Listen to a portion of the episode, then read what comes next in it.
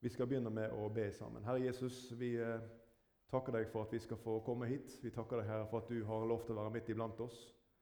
Herre Jesus, vi eh, sang det akkurat i sangen, Herre, at du er her, og det er sant, Jesus.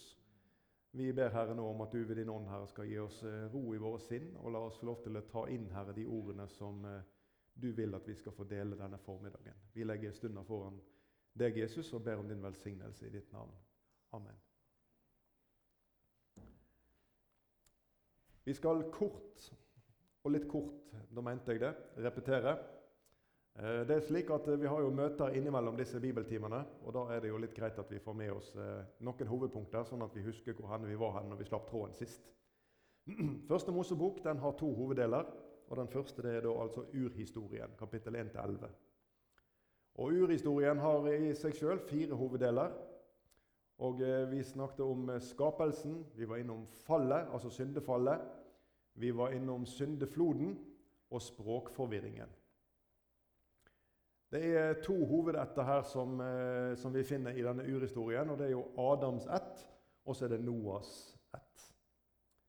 Den andre delen det er patriarkhistorien, som går fra kapittel 12 til kapittel 50 der i første Mosebok. Og Der finner vi disse fire hovedpersonene, og vi husker det igjen. Abraham, Isak, Jakob og Josef. Når vi kom til andre Mosebok, så hadde vi tre hoveddeler. Den ene det var utgangen av Egypt, som da er kapittel 1-18. Og så hadde vi om loven og pakten på Sinai, som er kapittel 19-24. Og så er det da tabernaklet i ørkenen, som er fra kapittel 25 og ut kapittel 40. Altså resten av andre Mosebok. Og vi eh, stoppa ikke veldig grundig her sist for denne siste biten som jeg nevnte her, om tabernaklet. Og som jeg nevnte sist, grunnen til det er at vi har vel kanskje hatt i alle fall ti bibeltimer her i arken om dette temaet. Så jeg tenker at eh, vi har nevnt hoved, eh, hovedtrekkene med den. Og så skal jeg ikke repetere. Det kan vi finne enten online eller på annen måte. Så kan vi få lytte til om de ulike redskapene og det som finnes der. Et bibelvers her, 1. Korinterbrev 10,6. Men disse ting hendte som forbilder for oss og Det er altså dette som peker på det som skjer her i Skriftene. Paulus han, han refererer svært ofte til Skriftene, og da er det disse tingene her han snakker om. Og Disse forbildene vi finner her, det er tabernaklet og og det vi nå skal bevege oss inn i i tredje Mosebok. Dette om påskelammet, om ypperste presten, om mannen som folket fikk i ørkenen, om klippen, klippen som det strømmer vann til der i, i det tørre ørkenlandet. Alt dette er bilder på Jesus. Og Tabernaklet med alle sine redskaper de peker òg på nettopp samfunnet med Gud.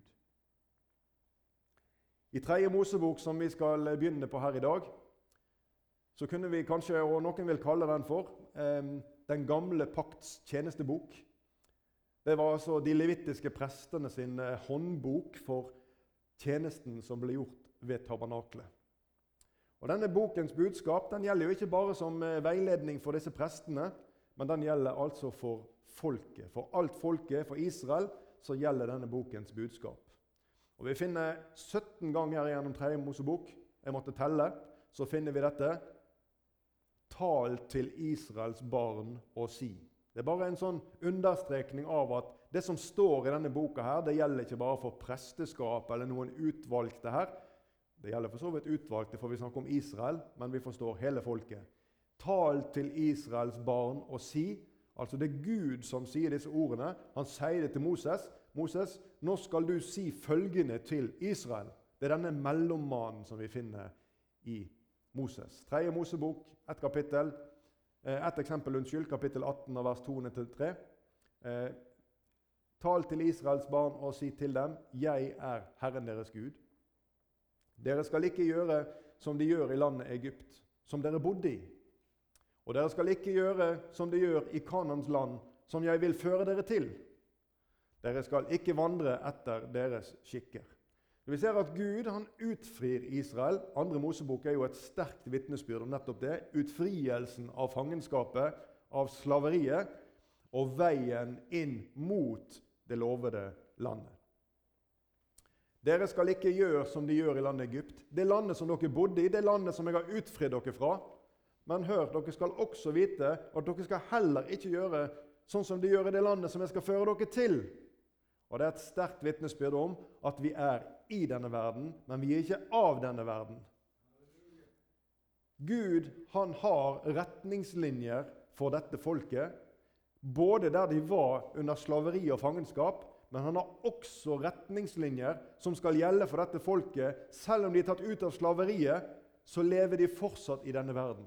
Selv om du er fridd ifra synden, så er du fortsatt i denne verden. Og det finnes leveregler og levesett som Gud har uttenkt for deg.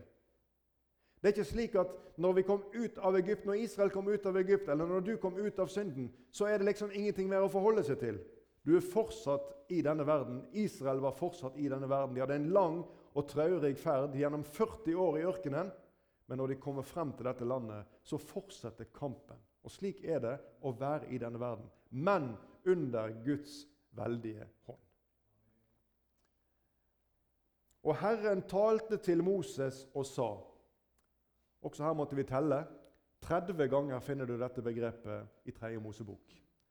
Herren talte til Moses og sa Og hver gang når Gud gjør dette, taler med Moses, så sier han nettopp ting som gjelder detaljerte beskrivelser om ulike offer som skulle frembringes, eller om ulike tjenester som skulle gjøres, eller om ulike leveregler som gjelder folket.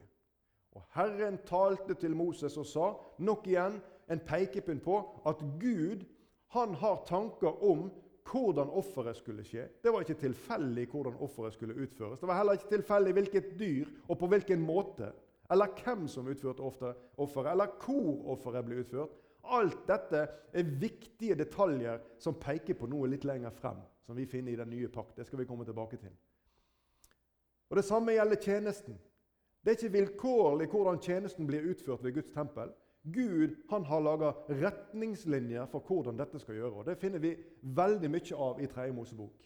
Som sagt en slags håndbok for prestetjenesten ved tabernaklet. Og så finnes det leveregler Gud han har ikke gitt oss en masse med regler for at det skal være ekstra vanskelig.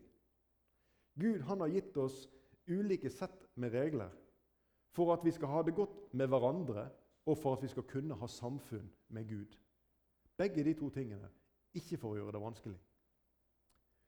Tredje Mosebok den er i grunn skrevet for å vise Israel hvordan de kunne leve som et hellig folk i samfunn med Gud. Og Denne boka den peker på selve premissene for hvordan samfunnet med Gud kunne være og eksistere i den gamle pakt. Guds hellighet den blir i grunn synlig i tre hoveddeler i 3. Mosebok. Og Den første det er gjennom selve offertjenesten. Og Gjennom offertjenesten så finner vi at det er kun gjennom offertjenesten at adgangen til Gud kan skje. Altså Adgang til Gud det skjer kun via offer. For uten blod så er det ingen synstilgivelse. Og det er et fundamentalt og helt sentralt begrep når det kommer til samfunn med Gud. Ingen adgang uten offer. Ingen adgang uten blod. Ingen synstilgivelse uten blod. For det andre så stiller denne boken krav Altså Den beskriver de ulike kravene som gjelder til både moralsk og rituell renhet. Det skal vi også komme tilbake til. Og En tredje ting som blir synlig for oss når det gjelder Guds hellighet, det er at det er veldig streng straff for ulike lovbrudd. Vi leser i Bibelen at syndens lønn er døden. Altså Gud tåler ikke synd. Gud er hellig. Og Denne boka her, denne tredje Mosebok den peker på premissene for å kunne ha samfunnet med denne hellige Gud, som altså krever offer for, for at vi i det hele tatt skal ha adgang til ham, og som har visse krav til moralsk og rituell renhet, altså hvordan mennesket skal leve, og hvordan tjenesten skal utføres, og som også peker på alvorligheten av synden gjennom de straffene som Gud har beskrevet for disse lovbruddene mot hans vilje og vei. Dette var veldig alvorlig. Dere ser iallfall veldig alvorlige ut, dere som hører dette. Men det er veldig alvorlig. Og Dette det peker frem imot noen veldig viktige og helt sentrale ting i forståelsen av frelsen for oss som lever i nådens tid. Det skal vi komme inn på videre her. Det finnes mer enn 40 henvisninger i Det nye testamentet til tredje Mosebok. Det kan du få lov til å undersøke i et bibelleksikon, og jeg håper du stikker nesa dypt ned i det når du kommer hjem. Men tredje Mosebok den har sterke relasjoner til det som finnes i vår tid. Til gudslivet for mennesker som lever i vår tid. Tredje Mosebok har sterke symbolske framstillinger av premisser som egentlig gjelder for all forbindelse med Gud. Og Her er det to hoveddeler. Jeg hadde tenkt jeg skulle ta og dele det opp i to bibeltimer. Den første delen den tar vi for oss her i formiddag. Vi var innom det, at grunnlaget for samfunn med Gud, det er offer. Så kapittel 1-17, som handler om dette grunnlaget, det handler i grunnen om veien til Gud. Og det er det denne bibeltimen kommer til å handle om. Det er veien til Gud, adgangen til Gud, premisset for adgangen til Gud. Den andre delen som tredje Mosebok handler om, og som vi skal se på neste gang Neste søndag, om, vi, om Herren fortsatt vil vi skal være her. Den handler om samfunn med Gud. Den handler om forpliktelser til hellighet som vi har. Den handler om vandringen med Gud. Altså Den første delen den handler om veien til Gud, adgangen til Gud. Og den andre delen den skal handle om selve vandringen med Gud, etter at vi har fått adgang til ham. Samfunn med Gud og vandringen med Gud det er jo to helt ulike aspekt. Men samtidig så henger de, som jeg har skrevet her, uløselig ifra hverandre. Begge disse tingene her må være med. Og samfunnet med Gud Og dette det grep meg når jeg satt her i dag tidlig og skulle forberede dette møtet. Dette her er ferskvare. Dette skjedde i dag tidlig. Samfunnet med Gud det har utgangspunkt i Guds vilje. Bare fikk du det med deg? Samfunnet med Gud har utgangspunkt i at Gud vil ha samfunn med deg. Det er ikke slik at Gud sitter som en kravstiller i himmelen, og så skal vi prøve å tilnærme, oss, tilnærme oss Han gjennom vår vilje og gjennom våre anstrengelser. Nei, det er omvendt. Gud har vilje til samfunn med deg. Gud ønsker din nærhet. 2. Mosebok 25,8. Det er et herlig vers. Gud taler med Moses om eh, tabernaklet som skal reises. Gud møter Moses på fjellet, og Moses han er sammen med Herren i 40 dager og 40 netter. Og Vi leser dette verset. La dem bygge en helligdom for meg, og jeg vil bo midt iblant dem. Jeg, dette verset her, Jeg kjenner bare at det fryder meg i hjertet over det. For dette folket det var riktignok utfridd fra Egypt og hadde fått sett Guds store undre, de ti plager over farao og over egypterfolket. De hadde fått sett at Gud åpna veien gjennom Rødehavet, og de gikk tørrskodd over. Ikke sånn at de vassa mellom tang og tare og ble våt på beina. De gikk tørrskodd over. Du skjønner, Når Gud gjør noe, så er det fullkomment. Det er det samme vi skal lese om når vi kommer litt lenger frem, om Jerikos murer. Det er ikke slik at da falt byporten inn. slik at de, Nei, da falt muren helt sammen. Du skjønner, Sånn arbeider Gud. Det er ingenting halvveis med Gud. Det er perfekt, fullkomment. Det er like som med skapningen. At når Gud hadde skapt alt, så sa han i sitt hjerte at alt var såre vel. Det var fullkomment, slik som bare Gud kan gjøre det. La dem bygge en helligdom for meg, og jeg vil bo midt iblant dem.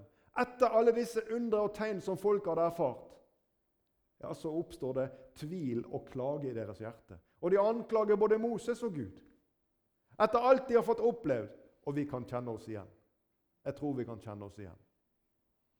De tingene som ligger bak, ja, det gjorde du, Gud, men sånn som det nå, så er det litt for vanskelig. Og så putter vi Gud på utsida på den rammen av det som vi tenker skal være mulig å få til. Jeg vil bo midt iblant dem. Allerede her så finner vi ved innstiftelsen, ved begynnelsen av innstiftelsen av den gamle pakt, så finner vi Guds vilje til samfunn med dette folket, som han visste hadde vært ulydig mot han i sitt hjerte, og som han visste kom til å være ulydig mot han i sitt hjerte herfra og frem. Han visste om alle deres feil og mangler i fortid og i fremtid. Likevel jeg vil bo midt iblant dem. Og Etter at han har sagt dette, så beskriver Gud for Moses selve tabernaklet, alle redskapene som skal være der inne. og alle disse de er det hellige deler hver for seg. Vi kan ikke gå inn i det nå. Vi har talt over det som jeg har sagt tidligere her i arken. Men både hver for seg og samla sett så er alle disse redskapene her sterke symboler gjennom både materialvalget som er gjort, gjennom de farger som blir brukt i de ulike redskapene, gjennom målene og vekt og utforming. Alt dette er detaljer som Gud har latt nedskrive. Alt Guds ord er sant. Alt Guds ord er viktig.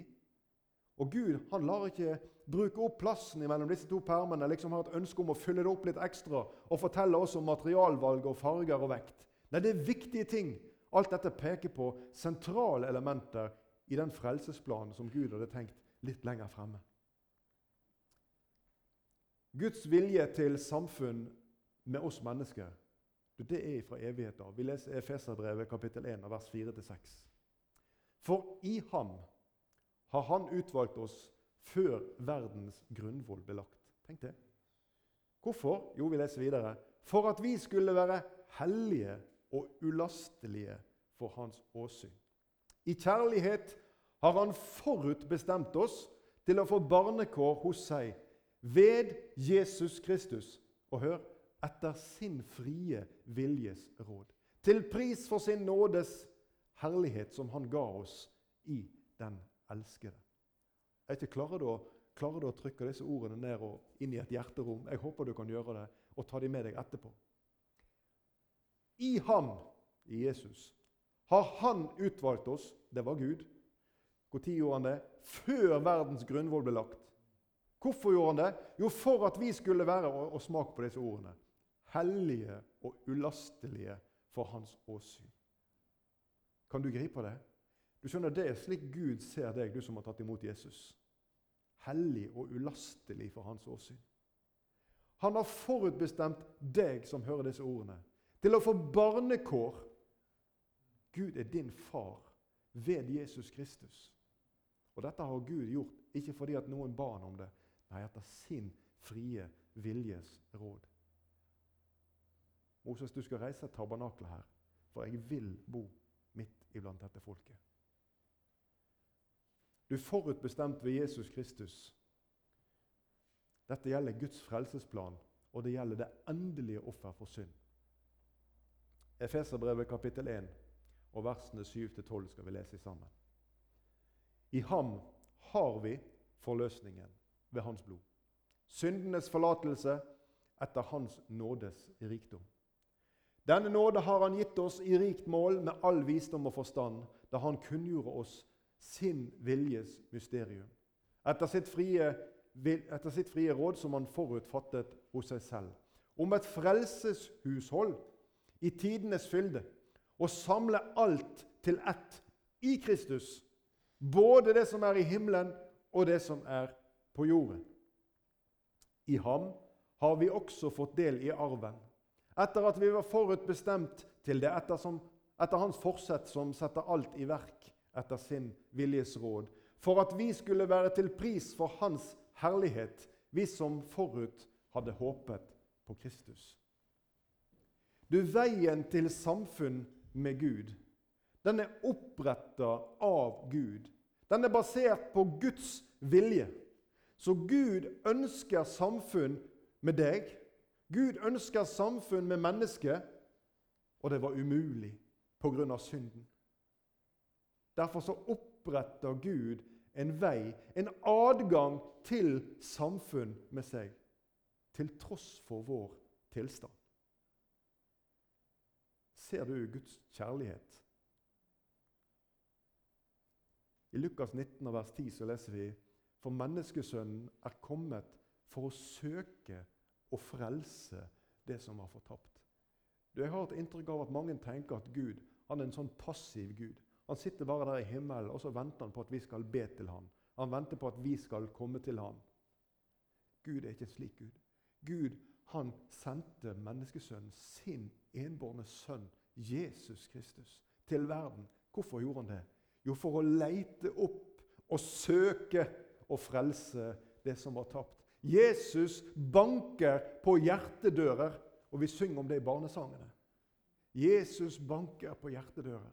Jesus er en aktiv frelser. Det er en aktiv Gud som oppsøker mennesker i vår tid. Og han kaller fortsatt på mennesker i dag. Gud kaller mennesker inn i samfunn med seg. Gud kaller mennesker inn til å ta del i den nåden som han har gitt oss gjennom Jesu blod. Tilgivelse for noe av synden. Hei, jeg håpte det skulle komme noen protester her nå. Tilgivelse for all synd. All synd. Du, I den gamle pakt så møter vi på ulike offer. Og jeg skal helt kort, vi, vi kunne brukt mye tid på det, men jeg vil helt kort dra igjennom noen av disse. For dette er som jeg sa, premissene for samfunn med Gud. Vi leser 3. Mosebok, og vi leser vers 6, 1-2, og så unnskyld, kapittel 6, og vers 1-2, og vers 5-6. Og igjen så møter vi dette. Og Herren talte til Moses og sa:" Gi dette påbudet til Aron og hans sønner. Dette er loven om brennofferet. Brennofferet skal ligge på ildstedet på alteret hele natten til om morgenen. Slik skal alterilden holdes brennende. Ilden skal eh, holdes brennende på alteret. Nå er vi på vers 5. Den må ikke slukne. Hver morgen skal presten legge ny ved på ilden og legge brennofferet til rette på den og brenne fettstykkene av fredsofferet på den. En stadig ild skal holdes tent på alteret. Den må ikke slukne. Fikk du med deg essensen i dette brennofferet? Dette brennofferet er et stadig offer. Det skal ligge på ildstedet på alteret hele natten til om morgenen. Og Sånn skal da altså ilden holdes ved like om natten. Og om dagen skal presten legge ny ved på ilden og legge brennoffer til rette. Det er en stadig ild, et konstant offer, et kontinuerlig soning for synd. Et premiss for at mennesket i den gamle pakt skulle kunne tilnærme seg Gud. Så har vi syndofferet. Enda et offer vi finner her for spesielle overtredelser som ikke kunne gjenopprettes. Ting som ikke kunne gjøres opp. Og Dette det gjelder ikke bare folket, dette gjelder presten som tjener ved tempelet. Det gjelder ypperste presten. Det gjelder en høvding i folket, og det gjelder alt folket. Dette kan du lese om i 3. Mosebok kapittel 4, 5 og 6. Vi leser Hebreabrevet kapittel 7 og vers 26-27 om vår ypperste prest. For en slik ypperste prest var det vi måtte ha. Hellig, uskyldig, ren, skilt fra syndere og opphøyet over himlene. En som ikke daglig trenger til, lik yppersteprestene, å bære fram offer, først for sine egne synder og deretter for folkets. For det gjorde han en gang for alle da han ofret seg selv. Du, I den gamle pakt så finner vi, som vi leste, om ypperstepresten som må gjøre dette syndofferet han må ofre for å få gjort opp sin egen synd, og så kan han ofre for folkets synd. Slik er det ikke med Jesus. Vi har en annen yppersteprest. en som ikke stadig trenger å gjøre nye offer. En som ikke trenger å gjøre offer for sin egen synd. Det var en slik yppersteprest vi måtte ha, skrives det i hebreerbrevet. En som er hellig, uskyldig og ren, skilt fra syndere og opphøyet over himlene. Brevet begynner med å fortelle oss i kapittel 8 om hovedsaken. At vi har en ypperste prest. Det er hovedsaken, sier Bibelen. Det er et ord som er brukt én gang gjennom Bibelen. En ypperste prest som sitter ved Faderens høyre hånd. Offeret er ferdig. Så finner vi skyldofferet i den gamle pakt. Og Det er et annet type offer et offer som er soning for spesielle overtredelser der hvor det var mulig å gjenopprette, men hvor det likevel er et krav til et offer overfor Gud. Jeg skal bare nevne noen situasjoner som vi leser om. Tilbakeholding av opplysninger det er også å unndra seg å vitne. Den som hadde sett eller hadde kunnskap om noe og nekte å vitne. Det kan du lese om i kapittel 5 og vers 1. Eller den som uten å vite det rører ved noe ureint. Kapittel 5 og vers 2. Eller den som uten å sanse seg sverger tankeløst med sine lepper. Ja, vi kan kjenne oss igjen. Kapittel 5 og vers 4. Eller den som bærer seg troløst at og av vannvare forsynder seg mot noen av Herrens hellige ting. Kapittel 5 og vers 15. Eller den som uten å vite det synder mot ett av Herrens bud. Er det noen som kjenner seg igjen? Vi trenger ikke å rekke opp hendene. Kapittel 5 og vers 17. Eller den som farer troløst fram mot Herren idet han lyver for sin neste. Kapittel 5 og vers 20. Du, alt dette er eksempler på situasjoner hvor det er krav om et skyldoffer i den gamle pakt.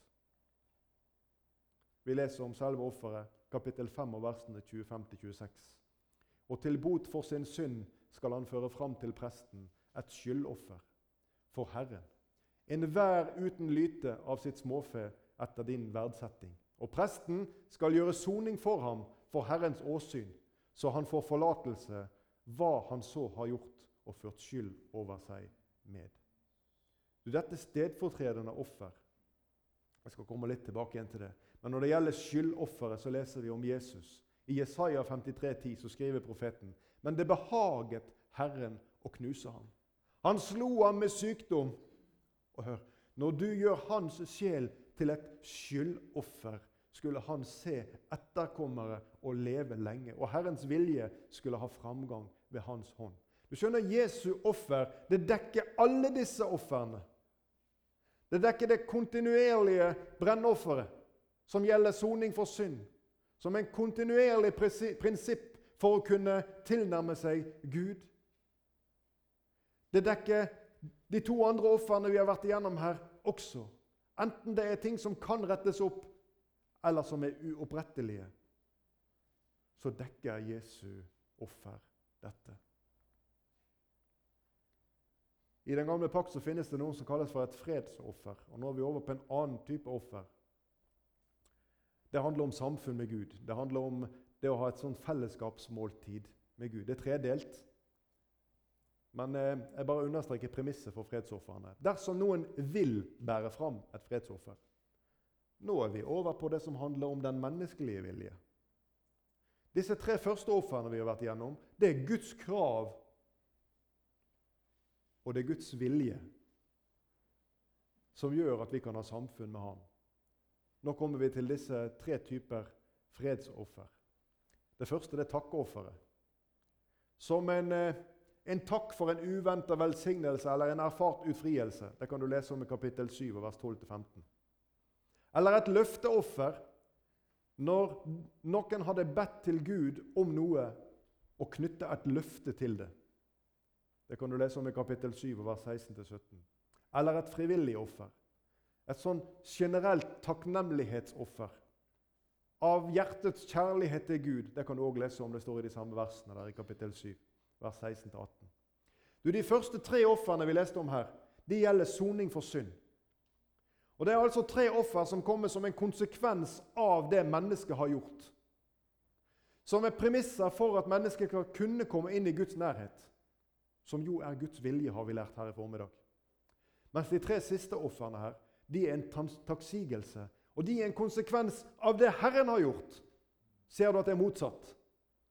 Dette er tre offer som handler om hjertets takk for det Gud har gjort. Mens de første de handler om det som må skje for at soningen for synden skal kunne skje. Disse ofrene har en hensikt. De har til hensikt å holde folkets samvittighet våken for syndens alvor. Dette temaet det tror jeg vi kunne hatt bibeltime om alene. Jeg har tidligere pekt på her i arken renselseskaret. Og dette med å hellige seg for Herren. Det å ha et våkent øye for Guds hellighet. Og Vi skal komme mer innom det i den neste bibeltimen over 3. Mosebok. Men Hebreerbrevet kapittel 10 og vers 3. Men ved ofrene kommer det hvert år en påminnelse om synder. For en gang om året så måtte ypperstepresten inn med en, et fornyet offer. Og det står så vakkert beskrevet når han går inn der i den aller helligste, og da ikke uten blod. Så gjøres det soning for folkets synder. Der på dette møtestedet, som Gud kalte det. Der på toppen av paktsarken. Der som Guds krav og bud lå nedi. Og på toppen av det hele, der gjøres det en soning. Der stenkes det blod på denne nådestolen imellom disse to kjerubene, der som Gud hadde sagt dette er møtestedet, Moses, det her jeg vil tale med deg. Her stenkes det blod på, men det må gjentas. Hvert år så må det gjentas. Du, Gud han viser også sin hellighet gjennom disse ofrene her. I Romerne 6,23 så leser vi at syndens lønn er døden. Og det er alvoret over menneskets syndige tilstand, som velger bort å ta imot Jesu nåde over sitt liv. Syndens lønn er døden. Men det motsatte, det er evig liv gjennom troen på Jesus Kristus. Du, Dette offeret det understreker òg behov for en stedfortreder. Vi ser det veldig godt når vi leser i 3. Mosebok og helt i starten, kapittel 1 vers 4. Der leser vi om presten og hva han skal gjøre når, når den som har synda, kommer inn med dette offerdyret. Og vi leser, og han skal legge hånden på brennofferets hode. Så vil Herren ha velbehag i det og la det bli til soning for ham. Jeg pekte på dette bildet her i en bibeltime tidligere. Når denne synderen kommer inn med dette offerdyret, og så legger presten hodet på, syndet, på dette syndedyrets eller offerets hode, og så overføres synden ifra synderen til dyret. Og så bytter de to plass.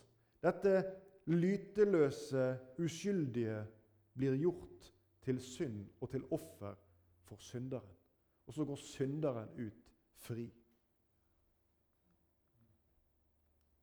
I den nye pakt så forholder offeret seg annerledes.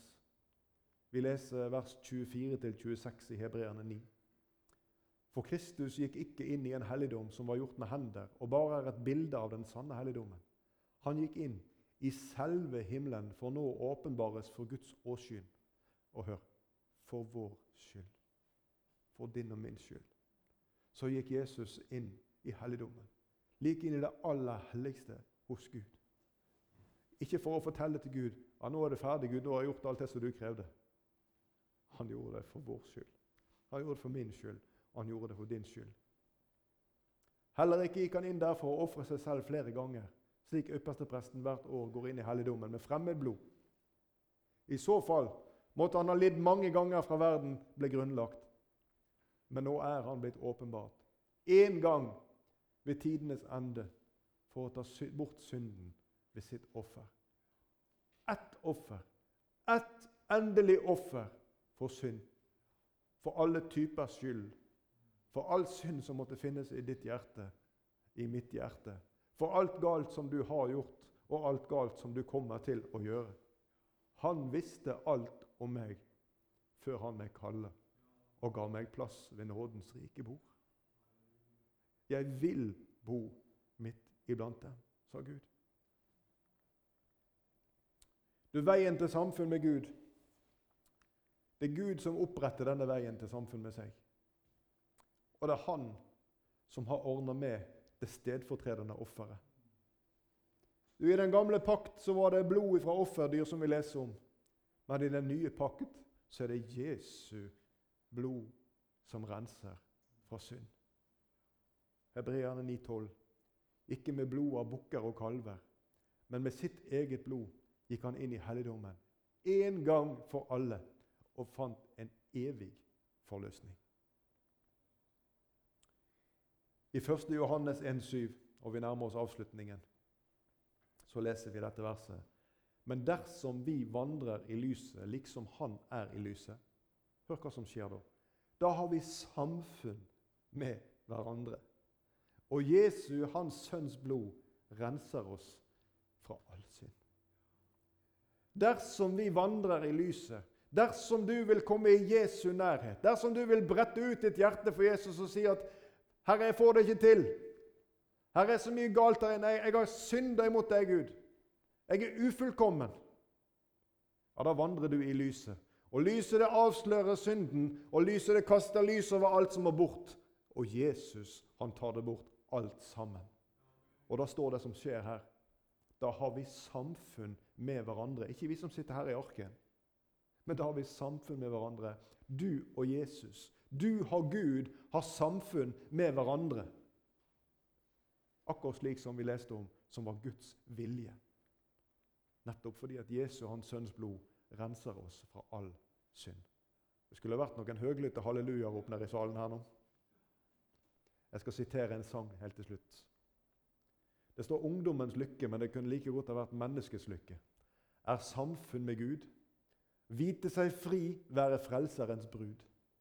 Kjenne den kraften som allting formår, og eie den freden som aldri forgår. Og hør ingen som Jesus gjør livsdagen skjønn. Alt du behøver, du har i Guds sønn. Kom da til Kristus. Ja, kom hvem som helst. Lykkelig den som fra synden frelst. Herre Jesus, vi takker deg, Herre, for ordene dine. Vi ber Herre om at du får hjelpe oss, Herre, slik at vi kan gjøre som Maria. At vi kan få grunne på disse ordene i vårt hjerte, Herre. Hjelp oss å forstå, Herre, at du ønsker samfunn med oss. Herre, det er, det er vanskelig å forstå. Det er vanskelig å begripe det, Herre. For vi har forgått oss imot deg, Herre, i tanke, ord og gjerning. Og Herre Jesus, likevel så vil du ha samfunn med oss. Du ønsker vårt vennskap, Herre. Kjære Jesus, hjelp oss å forstå at det har du ved ditt offer alene gjort mulig. At vi kan ha samfunn med den levende Gud, Herre. Takk for at du bryr deg om oss, Herre. Ja, mer enn det. Takk for at du elsker oss, Herre.